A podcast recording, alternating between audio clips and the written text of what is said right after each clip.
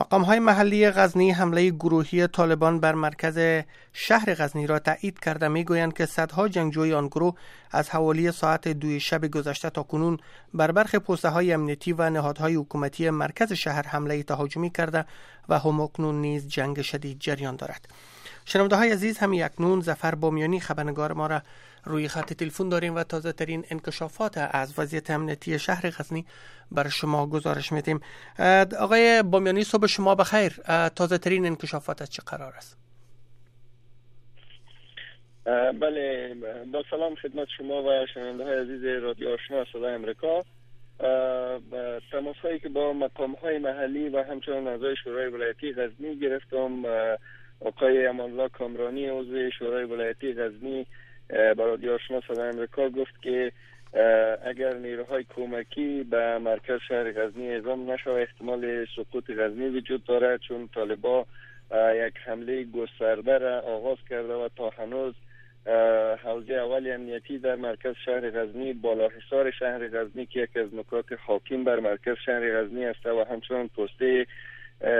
ترک حضرت و پسته قیطه ناوه که در مرکز شهر قرار داره به دست طالبا سقوط کرده آقای کامرانی دا کرد و همچنان گفت که در حال حاضر جنگ شدید بر منزل قماندان امنیه حرمسرای والی یا خوابگاه والی و ریاست امنیت ملی ولایت غزنی جریان داره و تا هنوز گفت نیروهای کمکی نرسیده و همچنان طالبای مسلح آقای کامرانی گفت که ساحه پیارتی یا از مرکز نظامی ثابت نیروهای خارجی را که در مرکز شهر غزنی وجود هست و فعلا در دست نیروهای افغان بوده یک قسمتی از او را با آتش کشیده و گفت که به تصرف طالبا در آمده. اما عارف نوری سخنگوی والی غزنی با تایید خبر حمله طالبا بر مرکز شهر غزنی گفت که این حملات تهاجمی که ساعت دو شب گذشته شروع شده بود فعلا مهار شده و در برخی قسمت ها نیروهای امنیتی افغان از طالبا پیشی گرفته. اما یک مشکل عمده ای است گفت که طالبا در برخی ساحات در منازل مسکونی و خانه های مردم پناه برده و این جریان عملیات هوایی را که همکنون عملیات هوایی رسیده کند ساخته. بله. آقای بومیانی آیا مقامات امنیتی غزنی نگفتند که این گروه حمله گروهی طالبان از کدام مناطق بر شهر غزنی صورت گرفته؟ بله این حمله تقریبا از سه چهار سمت مرکز شهر غزنی بر ساعت دی شب آغاز شده. از ساحه شرق مرکز شهر غزنی و همچنان از ساحه غرب و جنوب مرکز شهر غزنی طالبان مسلح بر مرکز شهر حمله کرده و ابتدا بر پسته های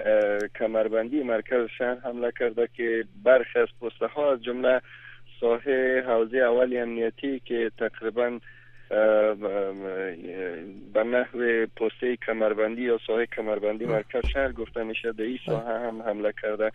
و پس از او وارد شهر شده آقای بامنی از تلفات نظامی و غیر نظامیان و در, در کل تلفات دو طرف آیا عضو شورای ولایتی و سخنگوی قماندانی امنیت چیز بر شما گفتن؟ بله سخنگوی والی غزنی عارف نوری گفت که همکنون سی جسد مخالفین دولت در میدان نبرد باقی مانده و همچنان از اثر تیراندازی و حملات طالبا پنج سرباز پلیس با دو سرباز اردو زخم برداشته. اما به دلیل از که نبرد در برخ ساحات گفت جریان داره آمار تلفات واضح نیست یعنی مشخص نشده. اما عارف نوری سخنگوی والی غزنی و رادیو آشنا صدا امریکا گفت که از اثر اصابت چندین هوان که از سوی طالبا شلیک شده بوده در ساحات مسکونی بخصوص منازل مسکونی و ساحات مرکز شهر غزنی اصابت کرده و او گفت که زیاد وجود داره که افراد ملکی نیز از اثر اصابتی راکت ها و هاوان ها تلفات داشته باشه و سوال آخر آیا گروه طالبان بر رسانه های محلی کدام پیام راجبه حمله چیز برتان روان کردن رسانه ها در این مورد آگاهی دارند؟ بله گروه طالبا مسئولیت حمله را به عهده گرفته زبه الله مجاهد که خود سخنگوی طالبا مینامه در صفحه تویترش ادعا کرده که عملیات وسیع به مرکز شهر غزنی از سوی افراد گروه جریان داره و آغاز شده و به شمول اینا هم ادعا کرده سخنگوی طالبا که به شمول بالاحصار پیارتی مرکز نظامی صادق خارجی ها تپه تلویزیون که پس از بالاحصار یک مرکز حاکم بر مرکز شهر غزنی هسته اینا رو گفته تصرف کرده و جنگ شدید همکنون جریان داره نیروهای افغان